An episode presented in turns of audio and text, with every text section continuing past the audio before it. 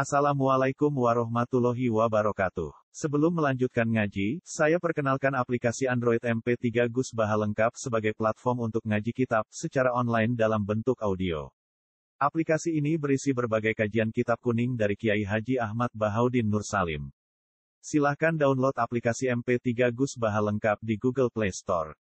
Link download ada di deskripsi. Wassalamualaikum warahmatullahi wabarakatuh. Bismillahirrahmanirrahim. Suratun Nur Madaniyatun. Utai surat Nur bangsa Madaniyah wa ya isnatani aw arba'un loro utawa papat wasituna lan suida apane ayatan. Bismillahirrahmanirrahim. Suratun anzalnaha. Eh hadi tekse utawi iki ku suratun surat. Anzalnaha kan nurono ingsun ha ing surat wa faradnaha wa farradnaha. Lan merdona ingsun ha ing surat mukhaffafan kados kira kita anzalnaha wa faradnaha. Wa musyaddatan lan khalidin tasdid. Suratun anzalnaha wa farradnaha. Nak kita macane ngene apa wa farad nah. Likas rotil mafrudi krana ake barang sing difardhokno fiha fiha di surat. Wanzalna lan rono ingsun fiha ing dalam surat ayat ing pira-pira ayat bayinatin kang jelas wadihatid dilalati utawa wadihatid dalalati kang jelas pertunjukane utawa jelas oleh ngekeki nunjukno. La'alakum nono sira kabeh tadzakaruna iku untuk petuduh sira kabeh. Utawa iso eling sira kabeh bi mita lan itu mita asaniyati kang kaping pindho fidzal ing dalan ing dalem dal. Tata iduna tegese nampa nasihat sira kabeh. Azaniyatu te wong wedok sing zina wazani lan wong lanang sing zina ghairul muhsanaini kang ora berkeluarga kabeh. Lirasmihima krana karajame muhsanaini bisunati lan sunai nabi. Wa al te al fima ing dalam perkara zikra kang disebut apa ma mausulatun al mausula wa wa tadawu azaniyatu mubtada'un mubtada'. Wali sibihi lan krana serupane mubtada bisarti lan syarat dakhulat manjing apa alfa ufa fi khabari ing dalem khabari mubtada wa wa te khabari ku faslidu kula wahidin faslidu mongko jilita sira kabeh mencambuka sira kabeh kula wahidin ing dalem saben-saben suwiji min huma saking zani lan zania mi ata jaldatin kelawan 100 cambukan Kayak neng aja itu keren. Ono polisi syariat, ono wong pacaran apa? Napa? Disambuhi itu. Eh dorbatin tegese pirang piwulan mau satu sih satu cambukan. Yukalu dan ucapno apa jaladahu doroba jildahu. Manane jaladahu e doroba jildahu mukul ing kulite iki cambuk wa izadu lan den tambahno ala dalika bisunnah ing atase cambukan fi sunati lan dawe nabi apa taghribu amin apa diasingno setahun. Jadi selain dicambuk diasingkan pinten setahun ora oleh kumpul ning komunitasnya. La warrafiki warraki ku te budak iku ala nasfi ing atase separo, ala nisfi ing atase separo min dalika saking mimma saking perkara dikira kang disebut apa ma. Nggih karuan nggih.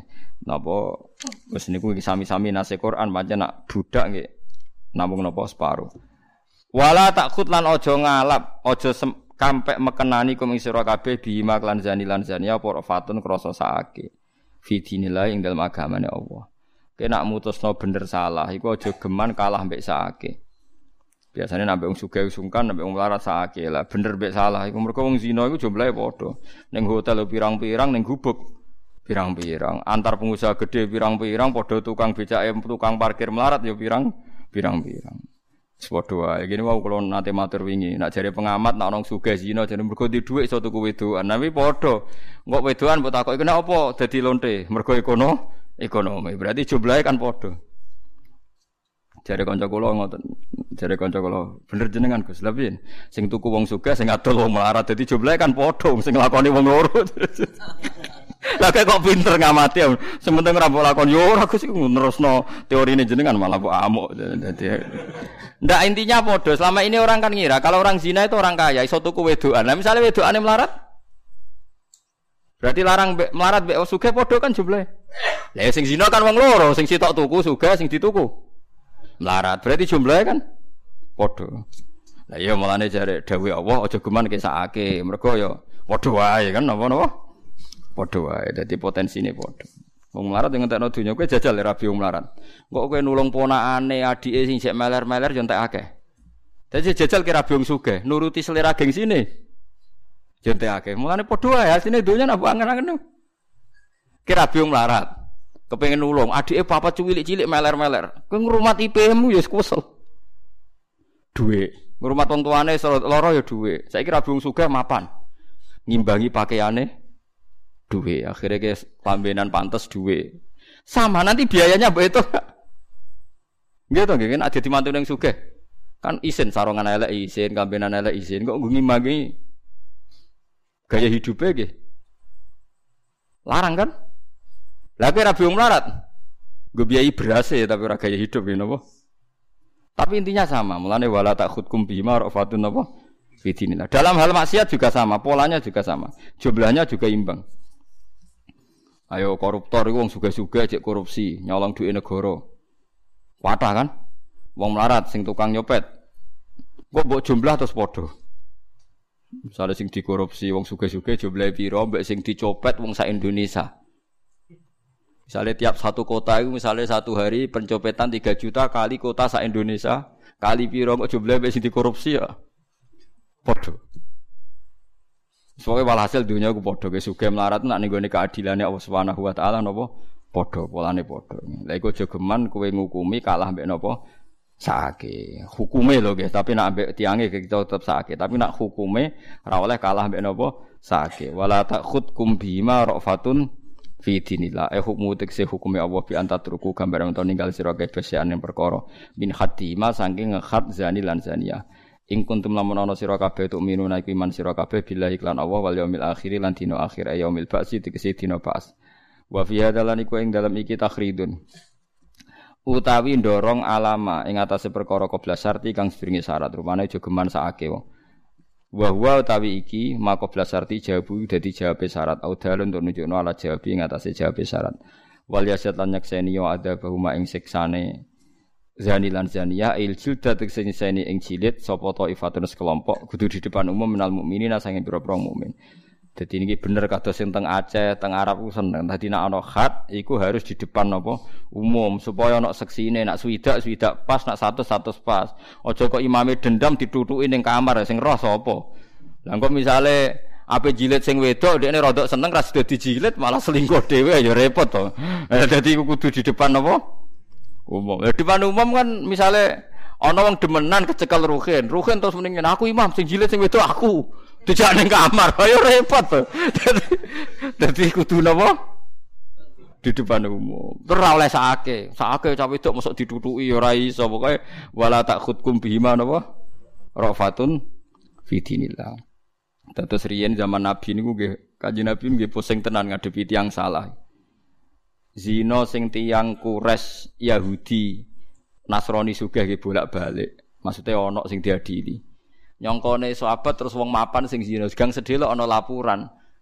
Wong lanang dadi buruh zinani wedok majikane. Lho kere saiki lho. Dadi mulai dhisik ku ya polane padha.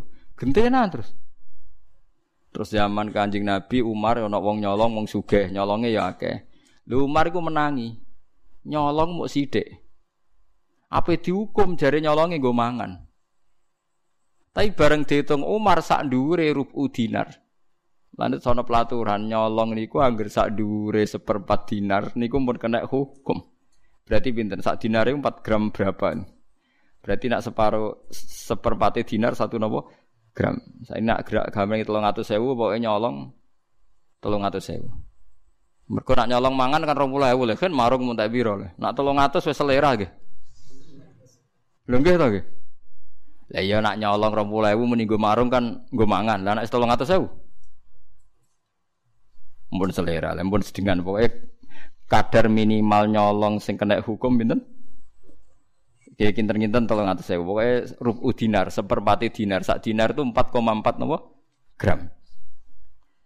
Berarti nak seperempatnya gih 1,1 pokoknya sak gih itu kerusnya segitu.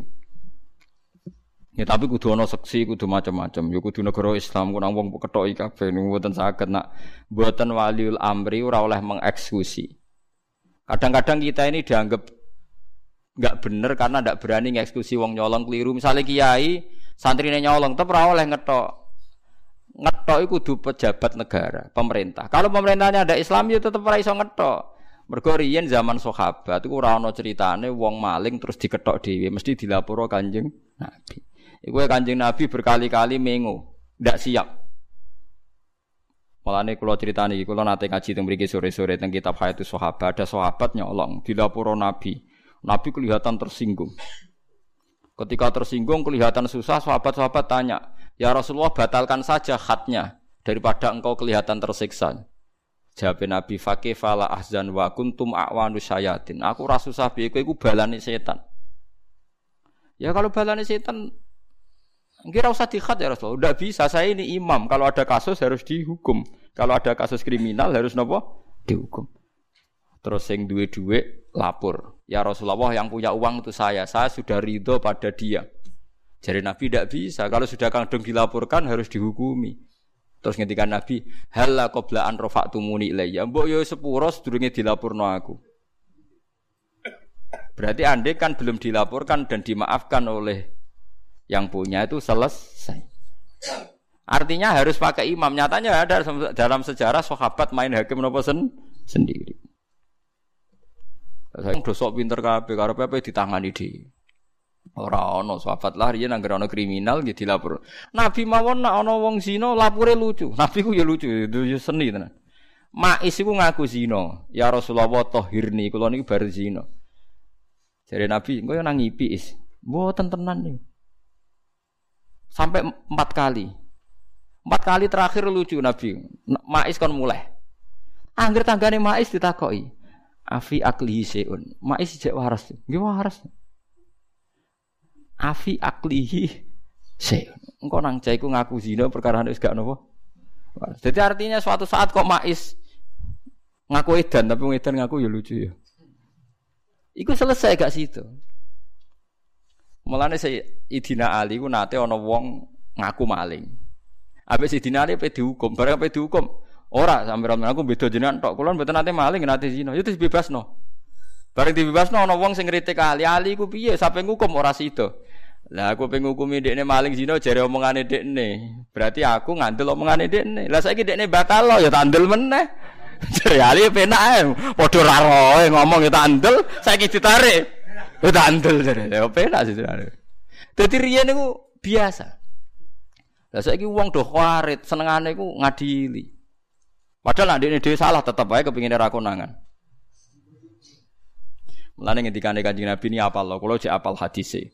Fa innal imama la ayyukhti afil afwi khairun min ayyukhti afil uqubah. Kowe salah nyepuro luwe apik timbang salah nyeksa. Lu salah nyepuro salah apa? Misale wong bener-bener maling mbok sepuro rugi mau apa? Bener-bener salah mbok sepuro rugi mau apa? Imam lebih baik salah dalam memberi ampunan ketimbang salah dalam memberi hukum hukuman. Jadi fa innal imama la ayyukhti afil afwi khairun min ayyukhti afil ukuba. Jadi gak apa-apa misalnya wong caiku kok maling tenan atau salah tenan Sayyidina Ali bebasno ya apa-apa. Salah nyepuro keliru gak apa-apa. Tapi nak salah ngukum ora tapi darani napa? Iya iku luweh napa pa? Parah. Mulane ngendikane Imam Ghazali kabeh ulama Kowe kalau ora muni jancuk iblis nganti mati iku ora apa-apa. Mergo ora wajib nglaknati setan. Tapi nek ana wong soleh mbok arani laknat, bah bahaya. Mergo iku mau atuk ngomentari apik senajan to salah, timbang ngomentari eh. Paham gitu dieling-eling itu terus hukum-hukum ngeten iki tetep kudu sing lakoni imam. Ojo kok lakoni dhewe mergi Buatan enten sejarahnya sahabat melihat kesalahan kecuali dilapor kanjeng Nabi Muhammad Shallallahu Alaihi Wasallam. Iku ebek Nabi ngel-ngel Sampai darah ni mais kok kue nangi pitok, kok kue nang ngambung tok is buatan. Kok kue nang ini tok. Terakhir-terakhir ebek Nabi kon mulai tanggane ditakoki. Mais iku waras ta ora? Ya waras ya Rasulullah. Agar takoki neh. Mais iku waras ta ora? Ya waras. Cara kula zaman iku kok dadi tanggane mak saja mboten waras ya Rasulullah kerus ben bebas napa. Dadi umpama harus dijawab ra waras nggih mak napa? Bebas. Eleng-eleng wala takhudkum bima rafatun fi dinillah. Tapi syaratnya mal napa wal yasyad adzabahuma taifatum minal mu'minin. Ini justru menjadi bukti kalau ada sistem buktinya hukumannya harus disaksikan orang banyak dan itu artinya negara. Kila den ucapno salah satu seksi ku telu wakila arbaatun papat yaiku ada di zina padha mek seksine zina. Azani utawa wong sing zina iku layang kihu iku ora nikah utawa ora ngawini sapa zani ya tazawwaju tegese ora nikahi sapa zani ila zaniatan kecuali wong wedok sing tukang zina wa zaniatu te tukang zina wedok layang kihu ora nikah ing zania sapa ila zanin kecuali wong larang zina musyrikun utawa wong musyrik. Dadi biasane wong nakal untuk wong nakal, wong apik untuk wong apik, tapi biasane iki. Ail munasibu tegese sing seimbang likul min huma ya mau dikira maksudnya wong apik untuk wong apik, wong elek untuk elek iku sing, sing munasabah ngono. Tapi nak takdir ya ora Nak takdir kira apa? Ora ro. Niki maksude adate ngoten, tapi nak takdir ya akeh wae wong apik entuk wong elek, wong elek entuk wong apik. Wong takdir napa? Takdir. Wong niku niku wonten asbabin nuzule. Pok ayat iki aja lebokno ati. Ayat iki ana asbabin nuzule. Ngeten lho critane. Ana sahabat soleh melarat. Saking rabetae melarat dekne duwe demenan zaman padha jahiliyah. Nggih eling-eling ini asbabun nuzul aja salah paham. Ayat iki mergo sering dienggo dalil wong elek untuk wong elek, wong apik untuk wong apik. Ayat iki artine ngeten lho. Ana sahabat soleh, lanang, ganteng. Mula baleni malih sahabat marat ganteng. Lari yen iku duwe demenan zaman jahiliyah. Bareng ning derekno Nabi Madinah melarate ra berakhir-berakhir. Ya kok konsisten maksudnya melarate nganti tahun ke-8 iku jek melarat. Kanca-kancane wis sugih ndekne jek napa? Melarat. Padahal liya-liyane dibuka pangeran sugih. Bareng Fathu Mekah ketemu demenane jenenge anak. Anakku ayu-ayune Madinah demenane. Sesuai dirayu menar go ganteng kan, ganteng. Mbok rabi aku gak melarat teman-teman. Mau ora saiki aku wis iso zina. Islam iku nglarang zina. Nang nglarang zina gampang to aku mbok rabi. Eh sampe. Engko biaya 6 Iku urip sing menanggung aku, tapi yo kok hasil aku nglonte puluhan tahun iku. Nah, sekarang diangen-angen, wah cocok ki maksudnya Dekne iku pikirane sahabat biasane Nabi ku nek wis Islam iku sape, apa-apa ora apa-apa. Lah akhire matur Nabi ya Rasulullah, kula niku riyen nak seneng anak. Lah sakniki niku pun purun tak kawin, mboten demenan ya Rasulullah niki kawin. Akhirnya turun ayat ora pantes wong soleh iku demeni. Maksudnya senajan to kawin ora apik iku. Mergo motivasine iku demi income ekonomi. Tapi nak motivasine iku nobatno iku apik. Mulane gak apa-apa nak kowe motivasine nobatno karek endi sing katut ngoten mawon paham gitu. Tapi tapi niki mboten niki fatwa tenan. Jadi ora iso terus saiki wong ora oleh rabi mantan wong nakal ora iso. Mergo ayat iki turune porsine kepingine iku Ya mau bolak-balik mau mergo wong saleh iku dipek nakale dhewe dadi hasil lonte masa lalu kon biayai ndekne ora iso. Lha iku asal usule asbab nuzule ngoten. Paham ya dadi mulane ayat niki mengke kula terangaken wa khurimalan haram napa dalika mengkono-kono nek nek haku zaman ini kae wong tukang zina alal mukminina ing atase wong mukmin al akhyari kang pilihan kabeh. Ini kurung ono tenan nggih. Nazala tumurun padhalika mengkono-kono dawuh lama hamma semangsane niat. Hamma itu niat kados faman hamma bi hasanatin. Lama hamma semangsane niat sapa fuqaraul muhajirin, pira-pira wong fakir sing hijrah. Ayat azawaju ing yen tone kai sapa fuqaraul muhajirin baghoyal musyrikin ing pira-pira lonte-lontene wong musyrik. Wa hunna te baghoya musiratun wong sugih-sugih. Dadi mulai dhisik wong lanang seneng numpang ra biaya seneng den. Tekan wong muhajir ya katut watak ngono. Rabi wong wedok sing wis sugih terus numpang napa u urip. Tapi masalah si ditumpangi ku mantan. Lah iku terus Wahuna te bagoyal musyrikin musiratun suge-suge liun fikna supaya biayai sapa bagoya alaihim ing atase fuqara ilmuha sirin. Nah, mulane jogeman dadi wong fakir, dadi gara-gara fakir duwe ide rawen lontem. Lane dewa-dewa ana fakir yo keliru. Kadang-kadang fakir nak kenemenan kuwi idene yo aneh-aneh. Tapi dewa-dewa ana suka yo keliru wis meneng ae sano takdir paham ya napa? Ana takdir. Paham ya eling-eling ya. Fakila mongko didhawuhna apa ngene atakhrimu te haramu khosun tertentu bihim klan periodene sahabat. Dadi ayat iki wis leren. Mergo ayat iki kanggo periodene napa? Ora pantes kancane Kanjeng Nabi kok rawen mantan napa? Lah kowe kan gak kancane Nabi. Lah iku jare jare dawuh niki berarti at-tahrimu khosun bihim. Ini apa khosun? Ini mboten guyon iki. At-tahrimu khosun bihim. Dadi gak pantes sahabate Nabi kok. Oh kok terus nak liyane pantes Gus. Ora ngono pokoke ngono. Senengane kok mafhum wis ngono. Wakil lan didhawono te ayat ku amun am, tapi wanusikha lan wis dinasah apa iki dawuh. Jadi sentek ceritane entek wis napa man manso. Dadi rapopo nggih dados nek ana tiyang lonte kok tobat dirabi santri ora apa-apa, dirabi sinten mawon ora apa-apa. Wong tak jamin mergo ayat iki manso. Paham nggih? Ora apa-apa. Lah kok nek rong wulan kecewa ya dipegan kok rabi meneh. Ngono kok repot. Senengane kok keberatan. Kuwi khawarit meneng-meneng kepingine apa-apa ideal ora ana donya napa ideal. Jelas gini iki. Fakila at-tahrimu khosun bihim wakila amun wa nusikha napa? Wa nusikha. Biqauli ta'ala wa angkihul ayama minkum. Mergo ngeten nggih niki rungokno tenan nggih. Zaman Nabi Sugeng itu ya sudah ada dua teori. Ana wong wedok nakal nak dirabi wong lanang apik, engko sing apik katut nakal. Tapi ya ana tenan wong wedok nakale mergo ora ana sing bina, nak dirabi wong soleh dadi a Potensinya sama-sama ada. Mulane ketika ulama nak kue yakin iso ngapi, iyo rabi.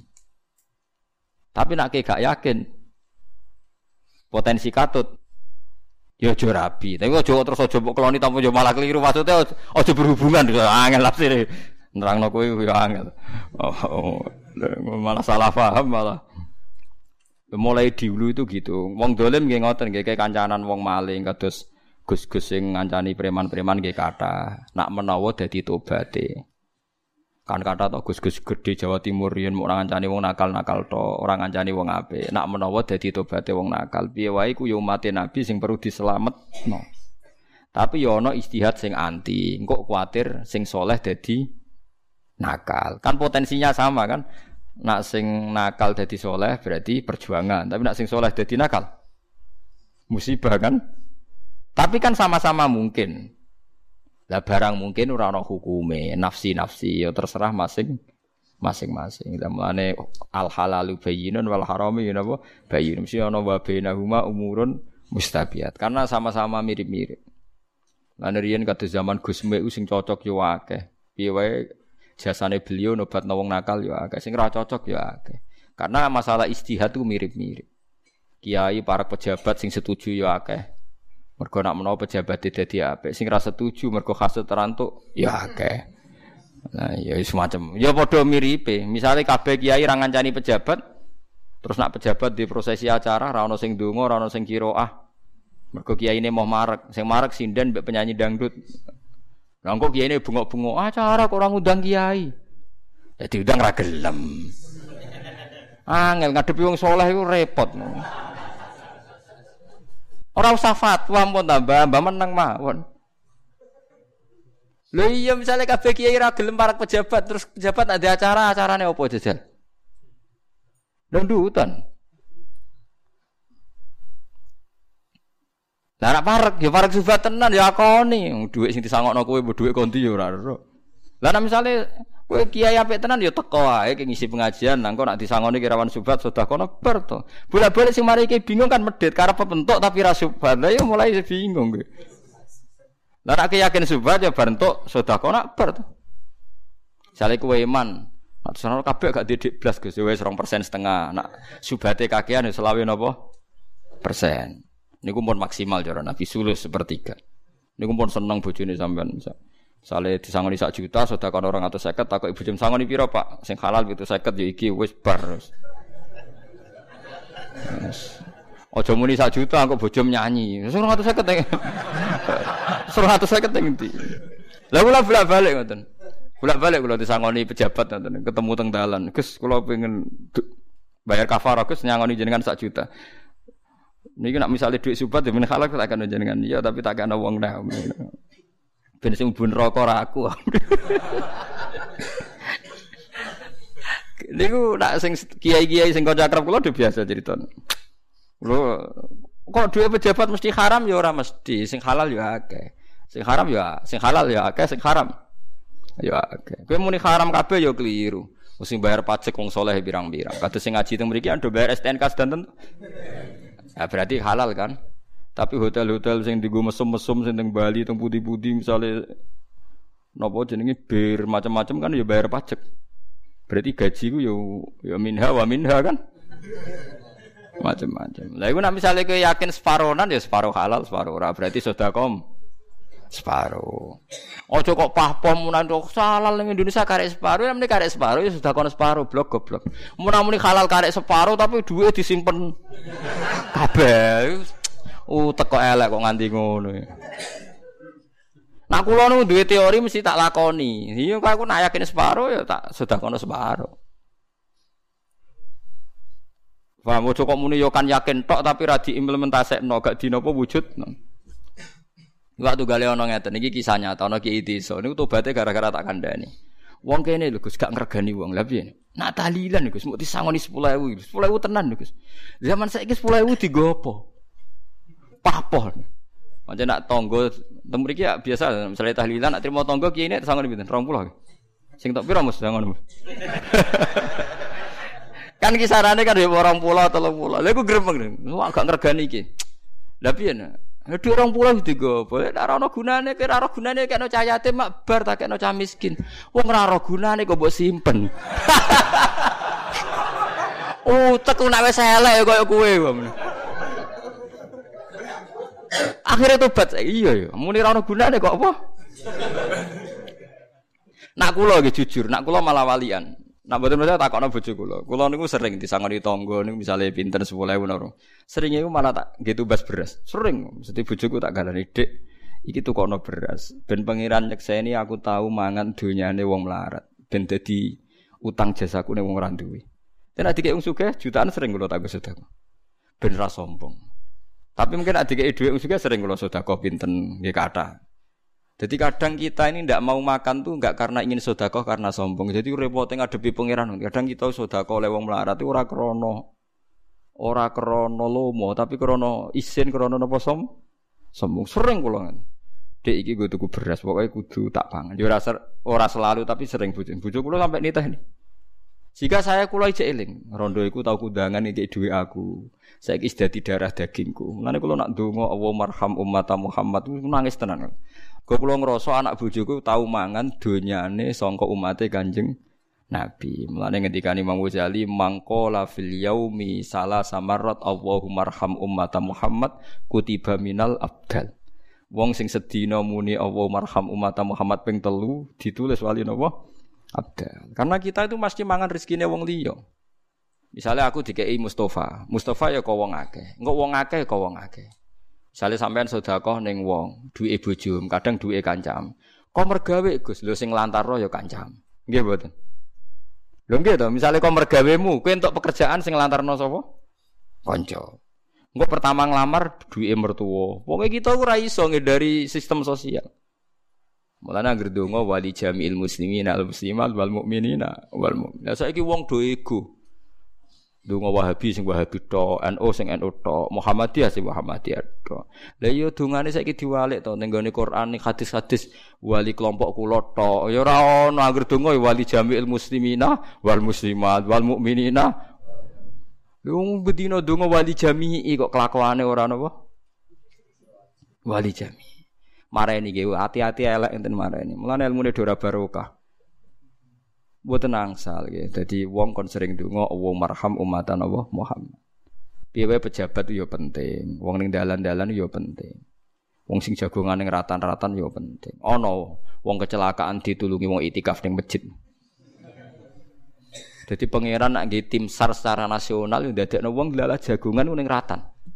Iku tim SAR nasional paling cepat bekerja.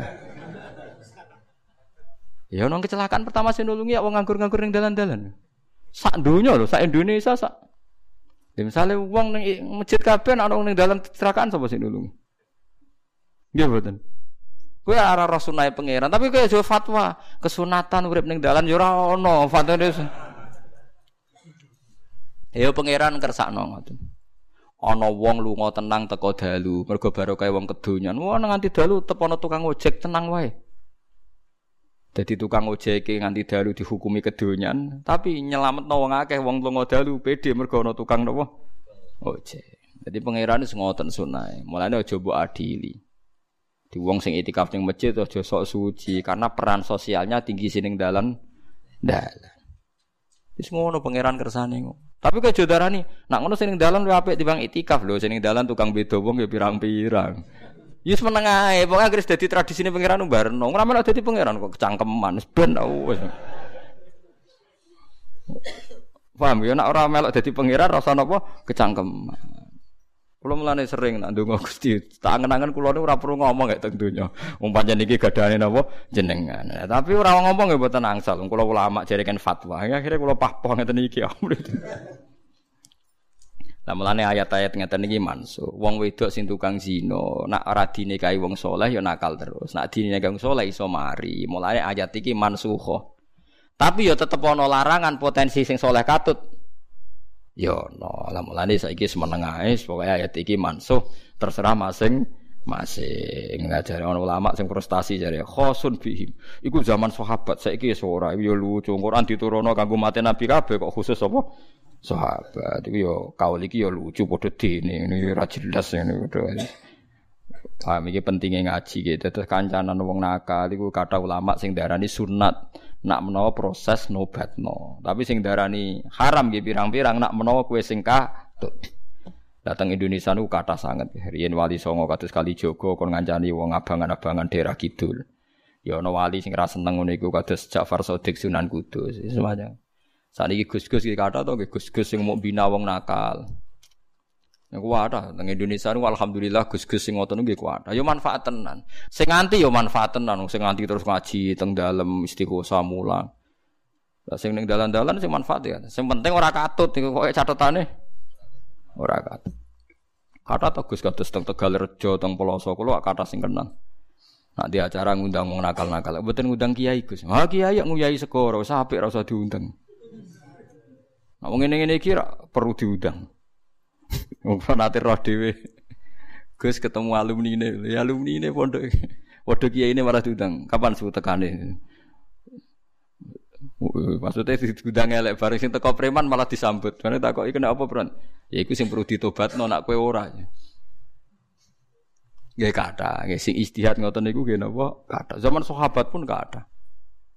Jadi yang penting itu niate ikhlas, nggih niate ikhlas ana kepastian hukum. Tapi kita roh lana amaluna walakum napa amalukum la hujjata bainana napa wa bainakum. Lah arek sok ben Allahu yasma'u bainana. Sepadha ora roh. Ngene wae ana wong wedok rondo ayu wong soleh beda iku iso wae luwih apik mergo dadi bojone kok nglahirno wong soleh-soleh. Tapi nak dibedo wong fasik nglahirno wong fasik-fasik. Lah saiki wong soleh beda, ruhin ya wong curiga. Kiai kok ngono. Tapi nak kasil dirabi kok lahir wong soleh. Suatu saat wong lagi sadar, "Wo, mbak iku hikmah dirabi kiai, anake kiai." Padahal dhisik wonge katokan cekak. Lah, tapi jadi dileme ngenteni bar mati, ngenteni bar mati terbukti anake kiai wong lagi ngenang. Wah, Mbah Ruhin nak ngono wong bijak. Lah wong katokan cekak dirabi dekne nglahirno kiai. Tapi pas ije urip kaya apa citrane baru kan mau lah. Lah iku lah. Ulama iku sing paling ngerti hitung-hitungan fatwa ngono iku paling ngerti. Lah ora saleh ora ulama kan. Wis elok ngono wis pokoke ngono ae wis gak elok. Ora elok. Lah mulane sahabat, sahabat sing alim-alime tahu nglamar lonte. Piye wae tahu, senajan ora kabeh iki fuqara muhajirin tahu duwe niat nglamar lah artine kowe ora usah sok suci, meneh nek kowe sahabat e tau di niat ngono. Mulane biasa ae ora usah sok suci iki biasa. Kados kula niku urip biasa kok wong awam ngoten. Wis dihormati wong biasa, dipisoi biasa, disalahpahami biasa, pokoknya tak tantang pas ketemu pangeran parek ndi kan. Kula wis pokoke pede. Lah nek ngloro ya aku pas ketemu pangeran ku parek sapa? Ya kula pede mawon wis. Kono modele opo? Paling modal hasud. Modal hasud itu abot nglangkain rokok kabotan wis. Kula apal Quran, rokok ora wani nyekso ngapal Quran gak gak sopan. Wis jelas hati si Allah ora bakal nyekso ati sing ngadai Quran. Ya ana sing tau apal Quran wis merusut iku ya abot padha wae. Sucal-ucul ngono wis abot. Faham gitu, ini jelas ya ana fuqaraul muhajirin sing gadah niat baghayal musyrikin. Jadi ku nunjukno nak wong boten steril. Sak sucine sahabat ae nggih tahu dia niat ngoten. Nah iku haram iku ora haram abadi mergo wis mansuh wa angkihul ayama minkum wasolihina min ibadikum wa imaikum. Wa angkihul nekahno sira kabeh al ayama ing pira-pira wedok sing legon, sing legan sing ora napa Cara mriki napa wong wedok sing ora bojone wong lho cek rondo cek perawan tapi ora bojone wong ayam napa legan. Nah bahasa Arab niku pokoke ngeten nggih. Nak legan niku ayama, nak bojone wong muhsonat napa bojone wong napa musonat. Dan sing ora iso dihalal iku bojone wong. Niku muntek, khilae muntek. Mulane kayak kasus kasus TKW iku sangel. Kadang kan kita darani nggih, misale TKW rondo utawa perawan. Kita aja iso husnudzon nak menawa diwaleni hakim. Paham nggih? Diwaleni napa? Hakim. Kan waline ning Indonesia kan ngluwahi rong marhalah to? Lah iya misale ana TKW hamil ning Arab. Ora bojone wong, Kowe husnudzon iku cek iso. Nak menawa dikawekno hakim. Paham ya? Wong husnudzon keliru ora apa-apa mau kan? Se tapi nak suudzon keliru. Bahaya. Lah tapi ning Arab Saudi ora surat nikah, ya hakim kan ra ono muhakam. Misalnya naib ra gelem kiai, gak ono hakim kan cara fikih ono muhakam. Tapi masalahnya seringnya bojone wong. Ning Indonesia iki lho di bojo. Yo ora pegatan. Lah iku angel halale. Paham sih kalau maksud? Lah iku nak iku binasil Quran ra oleh kan wal muhsanatu minan nisa. Dadi sing diharamno iku kan pitu nasab, nggih sing pitu nasab ketambahan sitok bojone Wong sing pitu nasab kan jelas hurrimas alikum ummahatukum wa bana tukum wa akhwa tukum wa amma tukum wa tukum wa banatul akhi wa banatul ukhti. Mun niku sing krana nasab. Terus ketambahan nasab birodok. Nggih. Terusane ayat terus-terus wa akhwatukum minar rotuah. Terus terakhir wal muhsanatu minan nisa. Bojone Wong, wis ora iso kan. ora iso. Oh, ora iso ora ana peluange. Wis mbok kelah-kelah ora ono. Rugen agak diterangno tok ora apa-apa. Dadi Mulane nak rondo, kue beda, iku cek ana kemungkinan nak niat rabi tenan, iku berarti nazar lil khitbah. Tapi nek bojone wong wis tutup rapet wis. Tak wis. Kecuali sing lanang mbok provokasi ben megat. Lah wis ra res pokoke nek bojone wong wis entek cara cerita. Mergo sak deretan ambek haram bin nasab. Mulane ulama ana sing nyayangno kene apa ulama sunatum ninasa kok awal juz 5 iku akeh sing nyesal. Perkara niku sak paket ambek akhir juz papan. Mulane kadang awal juz sing paling repot iki awal juz 5 mergo wal muhsanatu minan nisa iku ataf ning khurimat alaikum ummahatukum wa banatukum terus wa akhwatukum terus wal muhsanatu minan nisa. Jadi iku ora iso ditaun. Mulane kula ngerti takoki tiang-tiang Lho tapi TKW kan iku lho Gusti Walini hakim walini hakim bam ana bojone kok ana mbale. Ya diwalini ning kono dinikah ora ana carane kan ana bojone ning Indonesia kan gak ana carane. Lah nek rondo cek ah, gampang carane gitu nggih. Sahid loro supir taksi celuk mbek tukang babu celuk, sahid loro hakim muhakam mbok kono lah pokoke wong waline wis nglangkahi beberapa napa mar alam. Mulane ngendikane Nabi wis paling angel iku ngurusi bojone wong. Mulane ngendikane Nabi dosa paling gedhe ku apa?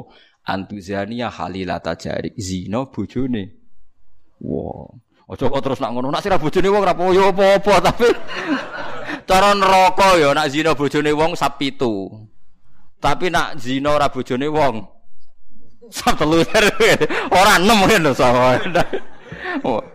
Pokoknya tetep beda beda kelas.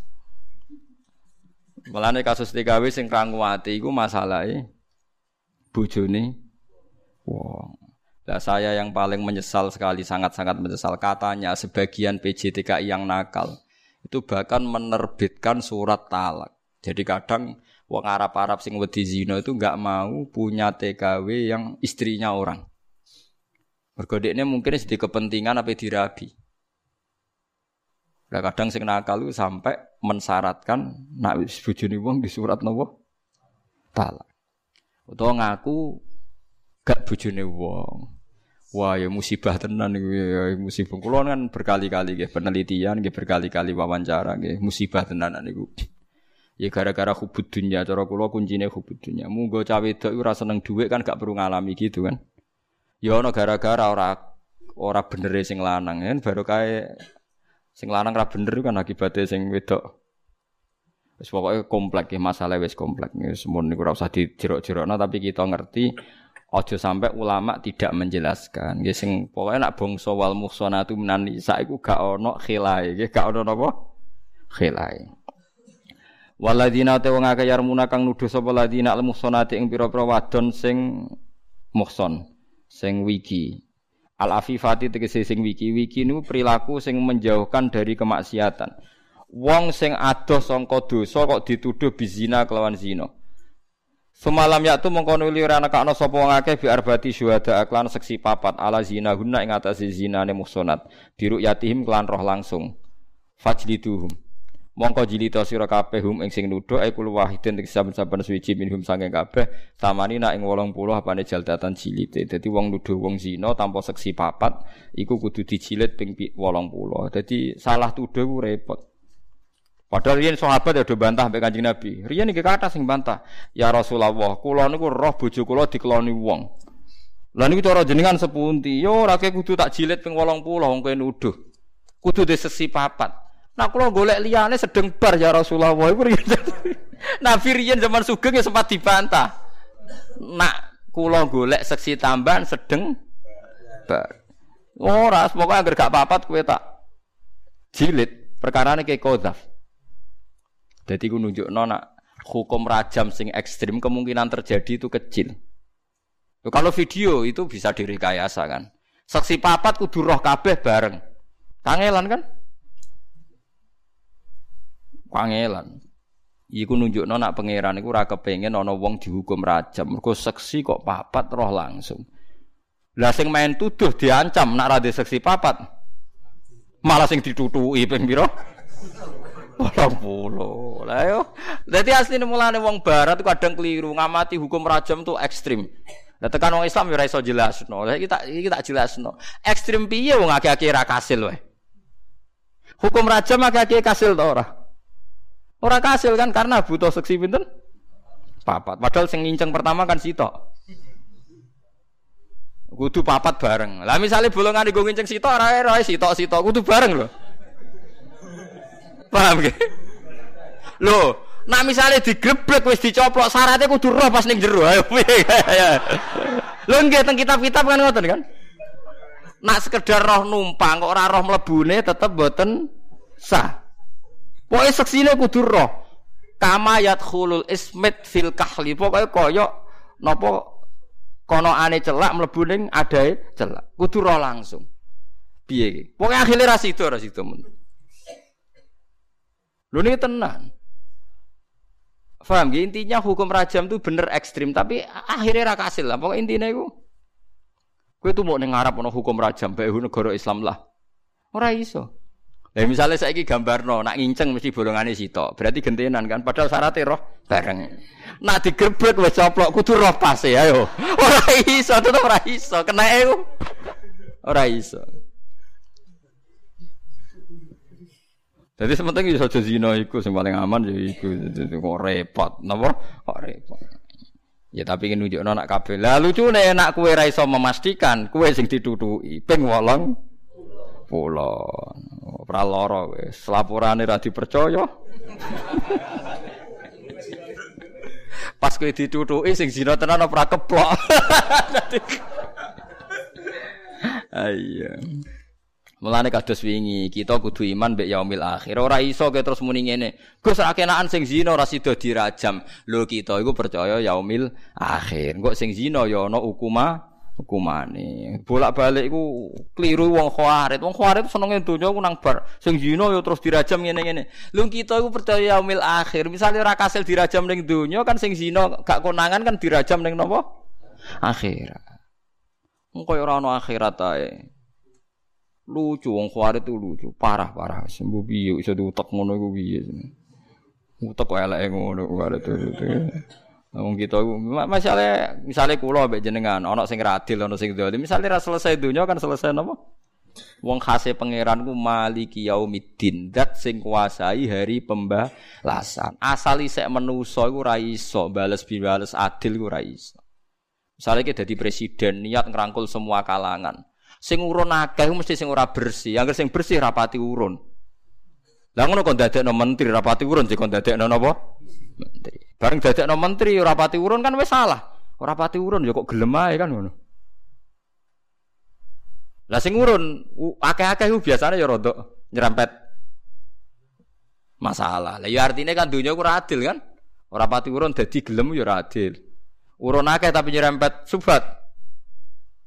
Ya ora adil. Ya dunia ku mesti ra iso adil ben saken. Misale kita dadi kiai nggih ngoten. Dadi kiai ku sapi adil kangelan. Kowe diundang wong melarat gelem terus. Justru nek gelem terus wong melarat tuh nyangoni ini ku duit jatah tuku susune bayi. Kulo nu fair mawon. Kulo nak disangoni wong melarat mbek sugih. Ini cara kalu-kalunan kalu wong sugih. Wong sugih nyangoni 500.000 dhuwit parkir, mbok dhuwit nggo mangan setik ngono ae. Tapi nak wong melarat misalnya rugen nyangoni kuwi 20.000, dhuwit beras iku. Dadi asline ku bahaya lho sangoni wong melarat iku. Tapi ra gelem nyinggung. Padha angele kumpul wong ku. Lah nang saleh biasane ra mikir, yo sake wong melarat ngene, ya melarat mbok grogoti le mbah. Padha angele iki kumpul wong padha angele. Mulane wa la tu akhizna innasina akhton. Jadi wa umutamun siap-siap kados kanca kula wa ingkana khabisan fatahiru. Gusti sudah bilang tuh saya kalau rezeki saya ini khobisan ndak bener fatahiru. Harus engkau yang mensu jika bareng dene alamat rezeki ini tambah suwe tambah jembar. Mosok Pak Bak kolilan sudah fakasirhu paling yang hobisan ya sudah fatohiru kurang ajar tenan. Jadi dia sing nganggo indikasi, nganggo napa? Indikasi. Jadi indikasi ini kalau melarat ya sudah berarti kising ora bersih langsung napa? Bersih. Jadi eling-eling ya nuduh wong zina iku nak ora valid seksine malah dicilit sama nina napa? Jalda. Wala takbalu lan aja nampa sira kabeh lahum kedue para napa seksi zina wau syahadatan ing saksian fisik ing dalam perkara abadan ing dalam selawase. Wis ngono dekne kudu diimbargo omongan apa wae dadi seksi ora sah. Perkarane tukang nuduh. Paham ya, dadi iki Quran. Quran ora seneng ana wong nuduh-nuduh ora seneng. Misale ki roh dhewe ya alhamdulillah kok ora aku sing lakoni zina, nak ber to. Malah golek ayo delok ayo delok ayo delok. Bareng ngono wis bar kuwapok. Cara imame kula seneng jilid tiang-tiang nganggur ngoten niku. Wa ulaika te mengkono-mengkono kabeh hum ulaika iku alfasiku nek sing fasik kabeh. Dadi wong tukang nuduh wong napa fa fasik. Li itianihim krana oleh nglakoni kabeh utawa oleh nekani kabeh kabirotan ing dosa gedhe. Ilal ladina kecuali wong akeh tabu kang padha tobat sapa ladina ba'di dalika sawise mengkono-mengkono kabeh waslahu lan nglakoni pembenahan utawa nglakoni islah keapian sapa ngake amalahum. Wong sing gelem dandani prilakune. Fa inna wa hamka satamna wa ta'ala ghafurun iku dat sing nyepuro lahum maring kabeh. Qadza fahum ing tuduhane wong akeh rahimun tur akeh melase bihim kelan kabeh. Bi ilhamihim kelan diilhamine wong akeh atau bata ing tobat fima ing dal fabiha yang tahi fabiha maka kelawan tobat yang tahi dadi entek apa fiskuhum sifat faseke wong akeh watu baru lan iso ditampa apa syahadatuhum kesaksiane wong akeh dadi wong nek tobat engko syahadae balik wakilalan Den dawono latuk balu ora den tampa apa syahadah rujukan krana balekno bil istisna iklan istisna ilal jumlati maring jumlah al akhirati kang akhir. Maksudnya tiang sing nate salah iku syahadahe tetep ora ditampa. Dadi Allah nampa tobaté tapi kesaksian ulang ke depan tetep ora di tompo iki sebagian ulama ndawakan mergo istisna ilal ladzina tabu niku mboten menyangkut napa diterimanya napa syahadah. Jadi kulo suwon nggih, kulo suwon pokoke lewat ngaji niki kulo suwon nggih. Masalah hukum-hukum niku atuk salah nyepuro timbang salah ngadili. Nggih kulo sing nate roh nu dawuh Ibnu Umar, misalnya ngaten nggih. Ibnu Umar itu sahabat, menangi konflik antara Ali dan Muawiyah, menangi beberapa tragedi. Iku dekne iku anti Hajat. Hajat niku gendho tenan sing mateni Abdul bin Zubair. Tapi Ibnu Umar sering makmum hajat. Dia sering makmum sinten? Hajat. Terus sering kebodon. Ibnu Umar juga ada budak kata. Rian kan kata candalem budak. Niku anggere wis ketok salat. Niku dimerdekakno. Padahal Budak ki kata sing kafir. Padahal bar salat kok kafir meneh. Tapi wis merdeka Ibnu Umar iso ngendhalekno. Begitu seterusnya. Budak nu yang kafir ditawan terus didadekno napa? Didadekno napa? Budak zaman riyen. Suatu saat Ibnu Umar dilapuri budak-budak yang pura-pura sholat itu sekarang kafir lagi. Berarti Anda tertipu. Jawab jawab Ibnu Umar, inin khodakna fan khodakna billah. Ben ketipu Allah, sing penting atas nama Allah. Allah ku atiku iku gak mentolo memperbudak wong sing wis sujud. Cek ora adile wong wis sujud kok tak dadekno budak. Padahal sing do sujud itu wae boe ben bodoni Ibnu Umar ben dimerdekakno. Bar dimerdekakno kafir meneh. Ketika tahu itu Ibnu Umar tetap guyu tetap Alhamdulillah aku kebujuk ambek asmane Allah. Artinya kan atas nama Allah mereka pura-pura sujud. Berarti Ibnu Umar kebujuke krana Allah tak krana budak iku. Krana Allah. Lah iku sirine niki penting kula terangaken sirine kena apa Nabi Adam berdosa kok langsung diangkat dadi kekasih pangeran. Summa jitabahu rabbuhu fataba alaihi wahda.